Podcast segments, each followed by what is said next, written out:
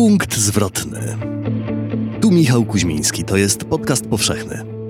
Na cykl rozmów o punktach zwrotnych w życiu i końcach, które stają się początkiem, zaprasza Katarzyna Kubisiowska.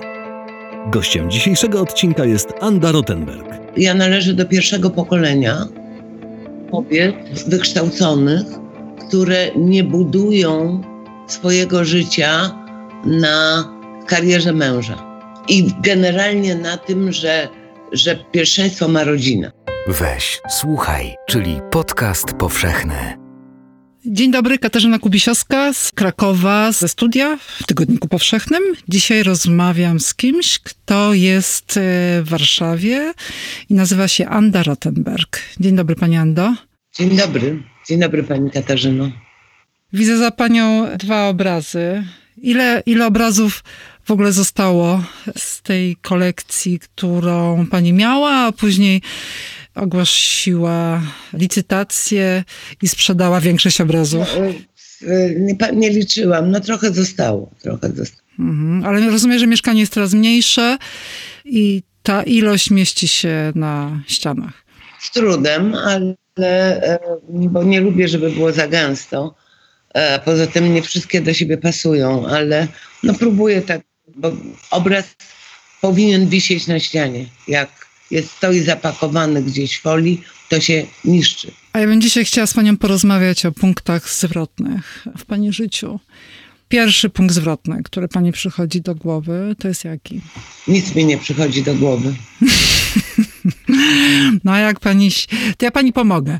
Myślę o swoim życiu w takich kategoriach e, scenariusza, ponieważ jak pani pewnie wie, scenariusze klasyczne, filmowe są zbudowane tak jak tragedia grecka i klasyczny dramat. Znaczy jest ekspozycja, pierwszy punkt zwrotny, konfrontacja, któremu jest cała treść filmu, drugi punkt zwrotny i rozwiązanie, które jest zawsze zaskakujące. No, jeszcze tutaj jest pomysł też na film Hitchcocka, który uważał, że e, dobra fabuła zaczyna się od trzęsienia e, ziemi. Nie umiem takiego punktu zwrotnego znaleźć. W dorosłym życiu to był niewątpliwie marzec 68 roku, kiedy nabrałam świadomości dwóch rzeczy. Tego, w jakim kraju żyję i tego, że e, po wojnie, bo wtedy jeszcze się nie posługiwałam pojęciem zagłady, po wojnie a można w tak otwarty sposób wzbudzić falę antysemityzmu. To ciekawe, bo przecież pani już była wtedy dość e, dorosłą y, osobą, a też no pani ojciec był Żydem. Y, to w sumie dość późno przyszła do pani ta świadomość, ale to chyba jest w sumie częste dla pokolenia, drugiego pokolenia, prawda? Ludzi, którzy doświadczyli Holokaustu, dzieci ludzi, którzy doświadczyli Holokaustu. No, wie pani, mój ojciec był przede wszystkim Polakiem. A jego żydostwo było drugorzędne, ponieważ on nie kultywował obyczaju. To raczej mama, która nie była Żydówką, starała się pewne elementy e, wprowadzić do domu, ale to były elementy kuchni żydowskiej. I na tym się zaczynała i kończyła sprawa e, kultury żydowskiej w naszym domu. Ja nie wyrosłam w świadomości tego, czym, co to znaczy być Żydem. W 1968 roku ta świadomość do pani przyszła, ona pani coś dała, panią na nowo zbudowała? Wie pani, ponieważ ja też się nie czułam Żydówką, to miałam, pierwsza moja reakcja była taka, że to mnie nie dotyczy narodowościowo. A, ale obserwowałam to, kogo to dotyczy. Przede wszystkim przeżyłam szok że można bić studentów. To była pierwsza. Że przychodzi wycieczka, przyjeżdża, z niej się wysypują panowie w tych futrzanych kołnierzach, e, ubrani po cywilnemu, wyjmują spod tych jesionek pały i, e, e, i zaczyna się bijatyka. Ja tego nie zaznałam w życiu i jeszcze miałam jakieś tak dziwne przekonanie, że e, może się, różne rzeczy się mogą zdarzyć, ale takie nie. Pierwszy szok to był szok władza kontra a, my na tej linii. A drugi szok dopiero ta fala, która przyszła później. Manipulowanie, cała nagonka prasowa, to czytanie tych tekstów, e, w których mm, były rozmaite insynuacje. Ja się znałam wtedy z Teresą Bogucką. Mm, jak przeczytałam o wakacjach złotej młodzieży z osłem w górach, a ja pamiętam, że ten osioł to im niósł plecaki, bo oni po tych górach chodzili na piechotę, to e, e, ten kompletny dysonans. Ja się wtedy stałam bardziej człowiekiem politycznym niż e, mm, pod każdym względem. To znaczy rozumiałam, na czym polega mechanizm komunistycznej władzy. Mm, więc y, to żydostwo mnie nie dotknęło w takim sensie antysemityzm w zasadzie bezpośrednio, bo o, ja studiowałam historię sztuki i wszyscy moi nauczyciele akademicy mm, bardzo się starali, żebym ja w porę zaliczała. Hmm, to, dzwonili do pani. Tak, to oni się starali niż ja, bo ja miałam płytką świadomość tych implikacji. A mnie ciekawi jeszcze, jak pani rodzice zareagowali na 68 rok. No, mój ojciec słuchał przemówienia Gomułki. Oglądał je w telewizji i płakał. Mama była bardzo zmartwiona, ponieważ e, mm, to już była taka fala, że ludzie zaczynali mówić o tym, że wyjadą, i mama zapytała, czy my też mamy wyjechać. I właściwie ja musiałam podjąć tę decyzję już wówczas i podjęłam decyzję, że nie. Mm. Potem kiedyś, wiele lat później, wiele lat później, w końcu lat 80., spotkałam się z osobami, które wyjechały do Stanów i ktoś zrobił kolację. Ktoś, i te osoby zapytały mnie, czemu nie wyjechałam mm, z Polski w 68 czy 69 roku. I ja pamiętam odpowiedź. Taka przyszła mi do głowy, że nie chciałam być obywatelką drugiej kategorii w obcym kraju. I na to usłyszałam pytanie: To wolała pani być obywatelką drugiej kategorii we własnym kraju? Ja się nie czułam obywatelką drugiej kategorii. Tak naprawdę, nawet po ogromnej kampanii e, w roku, na początku roku 2001, kiedy już bez, nie było hamulców i nie było tego, że wszyscy Żydzi, tylko ja, ja jedna, zmieniam nazwiska i twarzy, mm, byłam celem ataków. Nawet wówczas nie czułam się obywatelką drugiej kategorii, mm, tylko o, przekonałam się o tym, że kraj, w którym żyję, ma przed sobą ciężką pracę. A później, bo jednak 68 rok, później 70, 76. Później na początku, jeszcze w połowie lat 70. jest powiedzmy, że bogaty Gierek. Od 76 właśnie Gierek biednieje, w ogóle biednieją, wszyscy biedniejemy. Później jest karnawał Solidarności, wspaniały moment, 10 milionów ludzi razem i ciach zaczyna się stan wojenny. Żaden, w ty, w, jeden z najbardziej ponurych momentów, prawda? Osiem lat takiej beznadziei. Ja się zastanawiam, czy wtedy nie miała pani pokus, żeby stąd odejść, pojechać po pierwsze, ja się nie wzbogaciłam za Gierka. Pierwszy. Mówiłam o bogactwie pomarańczy, bananów, o budowaniu, y, o mieszkaniówkach, etc. O błazerii. Zagierka była błazeria. To nie była moja estetyka, więc jakoś... Natomiast y, rzeczywiście karnawał Solidarności to, było, to był wielki szok, bo ja nagle uwierzyłam w to, że możliwe jest coś, to myślałam, że jest niemożliwe. Czyli być razem? E, tak, po, przede wszystkim, bo ja pamiętam ten moment, um, poprzedzała Wielka Zima Stulecia, kiedy w takich okopach śniegu chodziłam na spacer z psem i spotykałam na, na podwórku mojego sąsiada Marka Grońskiego. I on mówi, co to będzie? Ja mówię, po pierwsze, potem będzie powódź. A po drugie, to jest przygrywka do tego, że już za chwilę ludzie nie będą mieli nic do stracenia. Bo dopóki mają więcej do zyskania niż do stracenia, a ten pułap to była lodówka, pralka, no ten poziom konsumpcji. Talon na auto. Tak, to się nie ruszą. I ten moment, ten sierpień, to był moment, w którym nagle się okazało, że ma się więcej do zyskania niż do stracenia, kiedy się ruszy. Ja byłam tym zachwycona. I pomyślałam, bo jeszcze w międzyczasie była wizyta papieża, nie zapominajmy, i samo organizacja społeczeństwa, która obsługiwała tę wizytę. I pomyślałam sobie, jeżeli możemy się tak zorganizować sami, to znaczy mamy potencjał. Ja, ja to wszystko rejestrowałam świadomie już w tamtym czasie i rzeczywiście uwierzyłam, że fantastycznie będzie.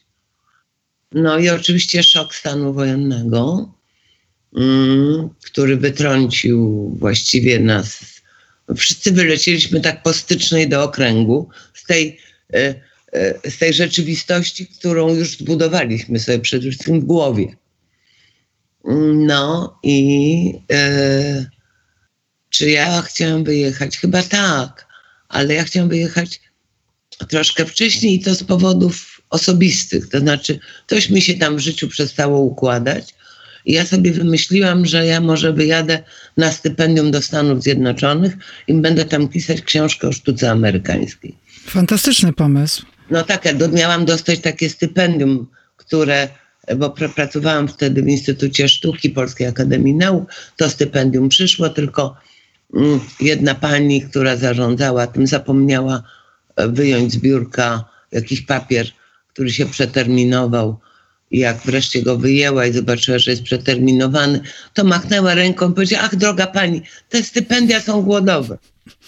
Ale jak pani to mówi, to przypomniałam sobie to, że pani jest współautorką scenariusza do filmu Blues, czyli tam bohaterka postanawia zająć się wyłącznie sobą, czyli pisać książkę, oddala od siebie życie rodzinne, czyli skupia się na, na pracy twórczej, a nie rodzinnej.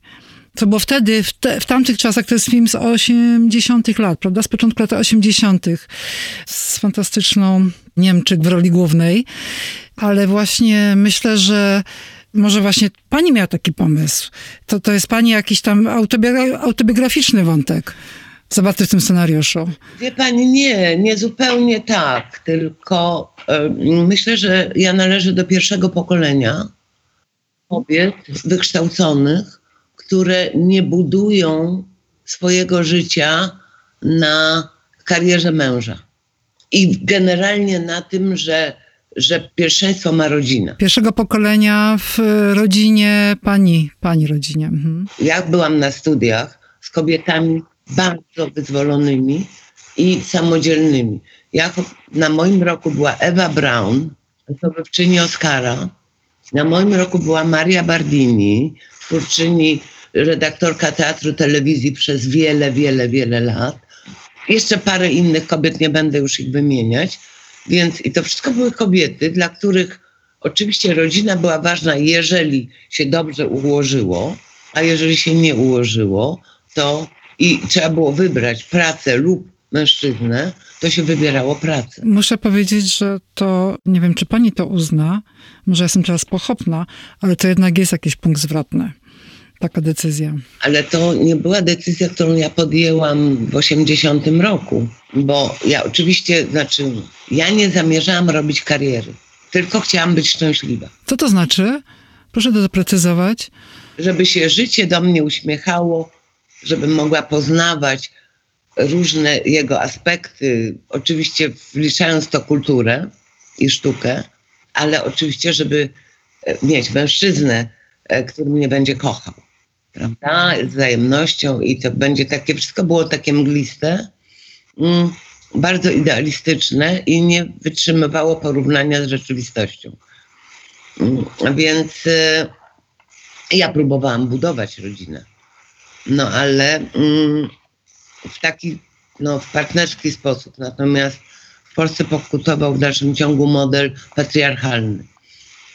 E, a ponieważ moja mama była silniejsza od ojca i model mojej życia w mojej rodzinie nie był oparty na moim ojcu, tylko na mojej matce, to ja nie mogłam zrozumieć e, tej tradycji, której mnie również moja pierwsza teściowa próbowała jakby tak e, pozycjonować. Mm, no i nie wyszło. No nie mogło być, ponieważ ja byłam podmiotowa zawodowo i cały czas walczyłam o swoje prawo, czy równo prawo. Mm, no i inne były jeszcze, nie chcę o tym mówić, były jeszcze wiele innych okoliczności, dla których to się nie udało. Jak się to nie udało i zostałam z dzieckiem sama, no to wtedy już musiałam sobie radzić. E, to było znacznie trudniej. Pani była gotowa na takie życie, ale ani mężczyźni nie byli gotowi, ani e, otoczenie, prawda, starszych osób, matki, teściowe, etc. Czyli okoliczności nie były sprzyjające. To chyba dość częsta sytuacja dla kobiety, że ona jest wolna, ona ma gotowość, ona chce, a otoczenie mówi jej nie, nie, to jest, to nie dla ciebie droga. I utrudnia jej sprawę. Tego tak nie odczuwałam, e, jakby w szerokiej, mm, w, szerokiej perspektywie, ale w domu i w, w tych rodzinnych relacjach tak. A, znaczy, no widziałam to. Mm. Trudno mi, mm, wie pani, ja się tak nie zastanawiam strasznie nad swoim życiem. E, mm, ten mój pierwszy partner był, e, miał ogromny potencjał intelektualny pod każdym względem, ale, ale coś tam, może ja też popełniałam jakieś błędy. Byłam zadziorna, ambitna. Wie pani, nie, nie, miał, nie było we mnie żadnej pokory. Żad... Szłam na zderzenie czołowe. Tak robi mądra kobieta. Mądra kobieta umie zagrać swoją rolę tak, żeby mężczyzna się nawet nie zorientował, kiedy e, nie ma ruchu. Ja, ja tak nie umiałam. Pani Andol, pani była młoda. Ale ja do końca tak nie umiałam. Więc to nie jest sprawa młodości. Mm, oczywiście byłam młoda, no ale wracając do tego, do tej, nie zamierzałam robić kariery. Tylko starałam się rzetelnie i uczciwie pracować. Nie zamierzałam robić kariery. Co to znaczy? Pani też drugi raz mówi i właśnie się zastanowiłam, właściwie o czym my mówimy, nie robić kariery. Miałam przyjaciółkę, która, o której było wiadomo, że ma wybitny talent i ona zrobi karierę w dziedzinie kultury. Ja takich talentów sobie nie widziałam e, i mm, na, nie chciałam e, zostawać osobą publiczną. Nie było we mnie takiego parcia na to, żeby się dać poznać, czy pokazać się światu. Bardzo długo i, mm, i samo się działo, że ponieważ starałam się że każdą rzecz, którą robię, robić jak najlepiej, to się nagle zaczynały otwierać przede mną różne drzwi. Ale to nie był mój wybór. To nie było tak, że wybieram taką efekty mojej pracy, czy widzę gdzieś taką e, siebie na jakimś piedestale i temu podporządkowuję swoje życie rodzinne. Nie, tak nie było.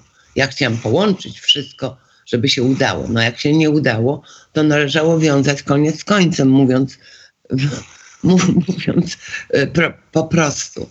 Mm, I, i ta, e, ten, ten niedostatek potrafił doskwierać człowiekowi. Tym bardziej, że ja e, nie miałam żadnych układów. Polsce gierka. I potem to się przeniosło na lata 80 najważniejsze były układy, ponieważ ja e, nie byłam w PZPR-ze, ani w żadnej tego rodzaju organizacji. Mm, nie miałam dobrze ustawionych znajomych, którzy by w czymś pomogli, nie wiem, w dostaniu telefonu, taki elementarz. Ja pamiętam ten program, właśnie leci kabarecik. I tam było takie zdanie, takie pytanie, które chyba Kobuszewski zadał, czy ktoś inny, kto go niesie. Bo zawsze było wiadomo, że jak przychodzi ktoś i coś chce załatwić, to ktoś inny go niesie. Mnie nikt nie niósł. Z dzisiejszej perspektywy to jest ten pani Anda Rottenberg, człowiek znikąd, to jest wartość. Wtedy była pewnie jakaś, e, prawda, być może trudniejsza okoliczność, ale z dzisiejszej perspektywy, no to ogromna wartość. Wie pani, no mam poczucie komfortu, że na wszystko zapracowałam sama. Łącznie z wszystkimi dramatami w moim życiu. To nie jest tak, że jest jasna strona tylko, bo jest też ciemna. I mm, tak jak tej ciemnej nie mogę sobie wybaczyć, tak te, o tej jasnej mogę powiedzieć, że nikt mi jej nie dał. Tej ciemnej nie mogę sobie wybaczyć.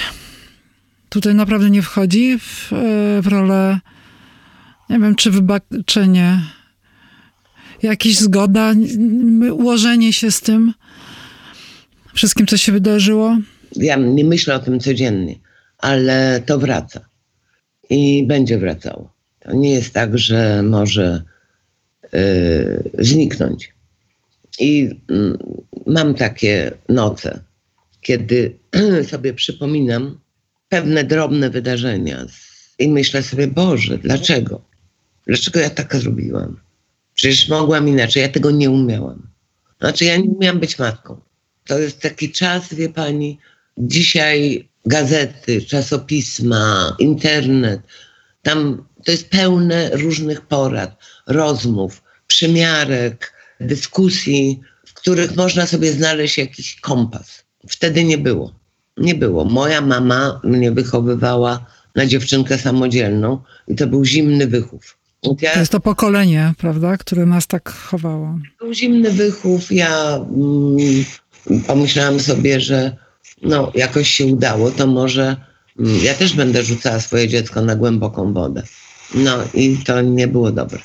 Miałam stabilny dom, w miarę stabilny. A ja swojego, swojemu dziecku tego stabilnego domu nie zbudowałam. Wie pani, a ja jestem z tego pokolenia, gdzie jest tyle poradników i pism e, kolorowych i bardziej kolorowych, mądrych i bardziej poradnikowych e, dla matek i w ogóle rodziców. I powstają książki. I dużo się mówi o tym w radiu i w telewizji, etc. I myślę sobie, że nadal jest trudno i że matka jest wystarczająco dobrą matką. Bardzo mi się podoba e, to określenie. I że czasami jest jakaś siła w dziecku, która pcha go w zupełnie innym kierunku i my na to nie mamy wpływu. Zupełnie. To jest właśnie coś bardzo e, tajemniczego, E, I rzadko się o tym mówi. Takiego, bo żyjemy w, w czasach, kiedy wszystko ma być wytłumaczone, jest takie deterministyczne, że jaki pan, taki kram, jak, jacy rodzice, takie dziecko, etc. Są jeszcze po prostu jakieś e, siły, które, które po prostu istnieją, jak pani powiedziała na początku o tragedii greckiej, to właśnie teraz przychodzi mi do głowy właśnie tragedia grecka, że coś, co, co wydarza się poza nami. I to jest właśnie ten los. Wie pani, oczywiście ja mogę to obejrzeć na przykładzie swoich dwojga wnuków, których każde wybrało inny rodzaj życia, są dorośli, zupełnie inni od siebie, różni, zupełnie inny tryb życia prowadzą. O, no, ale no żyją, żyją. Często pani myśli o synu? No, zostawmy ten temat. No, a jeszcze, bo w sumie teraz mówimy też o tym, jaką cenę się płaci za, za to, że się jest niezależną. W sumie. To o tych ciemnych stronach mówimy. Jakby dzisiaj pani miała wziąć i e, spróbować to zważyć i uznać, czy, czy warto było taką cenę płacić i być tak niezależną. Wie pani, niezależność nie wymagała dużej ceny. Tak się może wydawać, może inni patrzą na to inaczej, ale znaczy może nawet niezale, nie niezależność, ale wolność. A nawet nie wolność, tylko próba życia przyzwoitego. Tak minimalistycznie. Ja sobie ten model wybrałam świadomie, zanim usłyszałam, co powiedział Bartoszewski. I pomogło mi w tym dziecko. To znaczy, wyobraziłam sobie, co by było, gdybym się zachowała no, nieetycznie, czy naprawdę mm, zrobiła świństwo, a mój syn wyrósł i by o tym wiedział. Czy ja to mogę zrobić swojemu dziecku, inaczej mówiąc? Zostawić go z takim spadkiem. Dokładnie, dlatego że jak obserwowałam tych milicjantów bijących, czy tych e, działaczy partyjnych, to myślę sobie, jak oni to mogą robić swoim dzieciom? I być może ten taki prosty bardzo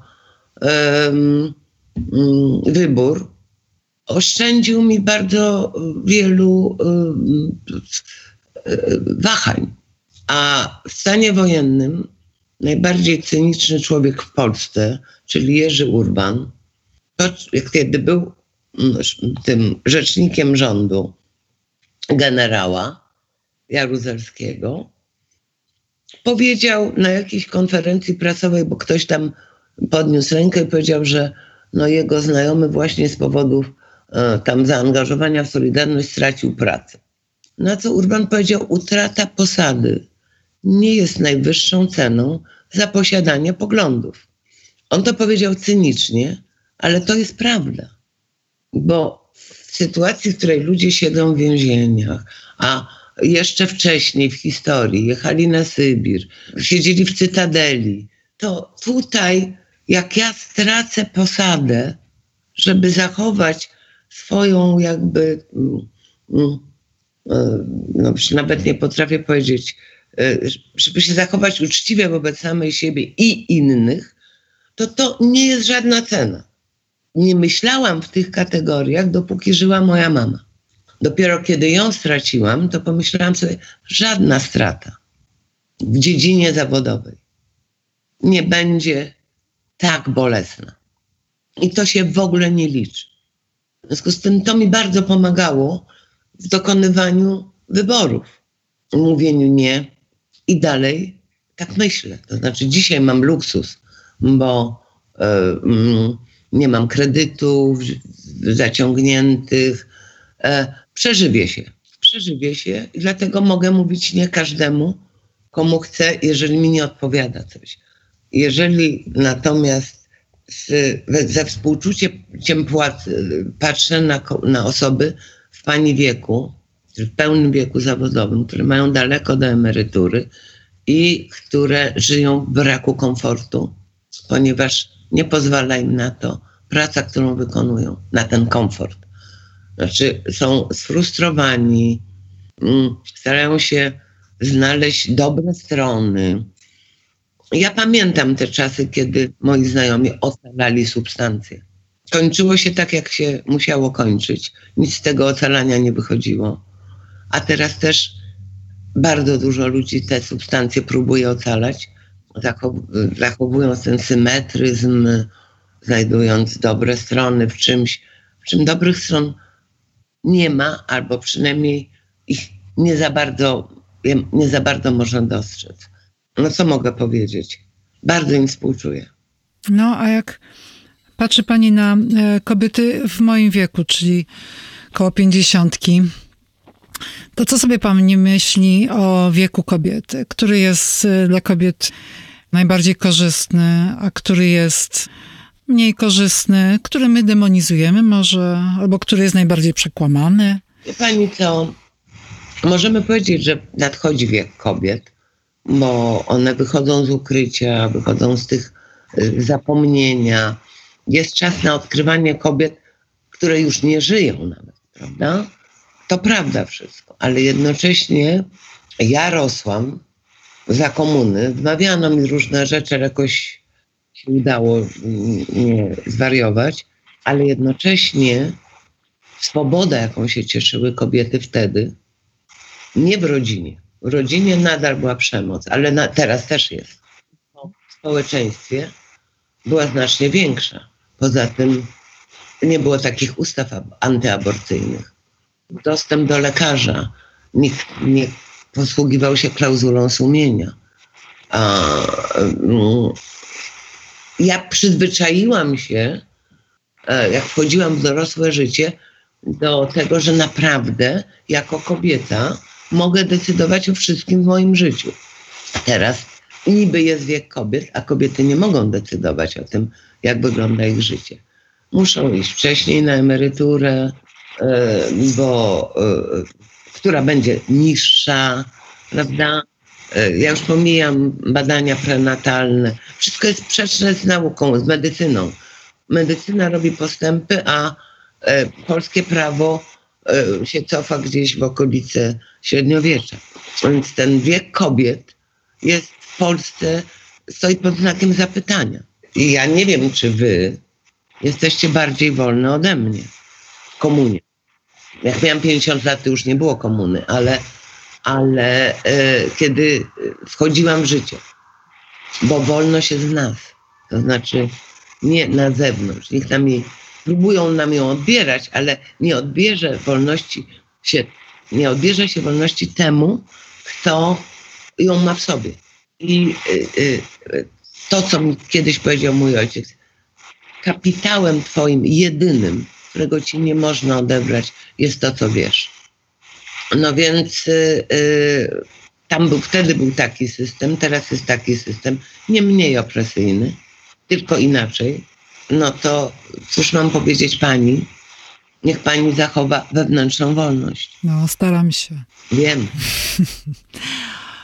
Natomiast też zastanawiam się nad tym, jak teraz pani czuje się ze sobą. Dzisiejsze pani już powiedziała, pani już niewiele musi. Nic nie muszę. Nie wiem, jak to się stało. Wiem, że muszę umrzeć, bo każdy musi i to jest jedyne, co wiem na pewno. Poza tym dalej dokonuję wyborów. Nie są one tak dramatyczne, że na przykład no, stracę pracę i środki do życia, ale jak wychodziłam z zachęty, to się znalazłam na ulicy z dnia na dzień. Nie, nie pomyślałam o tym, że nie będę miała też ubezpieczenia. I że nie będę mogła pójść do lekarza ani do szpitala. Nie, nie myślałam o tym, że nie będę miała ciągłości pracy e, i w związku z tym moja emerytura nie będzie tak liczona, jak powinna. Bo gdybym nie odeszła z zachęty i gdybym miała taką dziesięcioletnią ciągłość pracy, no to bym miała znacznie wyższą emeryturę niż mam. W ogóle nie ma znaczenia, bo ja wiedziałam o tym, że ja potrafię dorobić. I żadna praca nie hańbi, jeżeli jest robiona. Znaczy, ja mogłam pójść do sklepu, sprzedawać zapałki, wszystko jedno. Ja robiłam na drutach, na szydełku, dużo różnych rzeczy robiłam w życiu. Nie czekałam, że ktoś przyjdzie i mi coś da. A jakby pani miała powiedzieć o czymś, co by pani chciała, żeby się zdarzyło w najbliższych naprawdę na przykład trzech miesiącach? To co pani przychodzi do głowy? Jestem realistką, więc yy, nie, oczywiście mnie interesuje sytuacja polityczna w Polsce i to, co mogłoby się zdarzyć, czyli powrót demokracji jest niemożliwy w ciągu najbliższych trzech miesięcy. Z tego punktu widzenia ja się oczywiście martwię o moją rodzinę. Próbuję zobaczyć perspektywę i kiedy nagle zdałam sobie sprawę z tego, że bardzo mało nas dzieli od momentu, w którym zacznie w Polsce rządzić inkwizycja, to troszkę się przestraszyłam nie o siebie, ale o moje wnuki. Ja chciałam optymistycznie skończyć tę rozmowę. O, tu taka puenta nam wyszła. No, ale y, co mogę powiedzieć? Musi może zdarzyć się kolejna masa krytyczna, tak jak ona się zdarzyła w 80 roku. Uratuje nas rewolucja. Ale bezkrwawa, bardzo proszę. No i to już jest dobra puenta. Podcast powszechny. Weź, słuchaj. Współwydawcą podcastu powszechnego jest Fundacja Tygodnika Powszechnego. Współpraca audioteka.pl. Muzyka Lilo Sound, Running Backwards, Film Music IO. Jeśli słuchają nas Państwo w Spotify albo w Apple Podcasts, zasubskrybujcie nasz kanał. Jesteśmy też w Google Podcasts i w aplikacji Lekton oraz na www.tygodnikpowszechny.pl/podcast.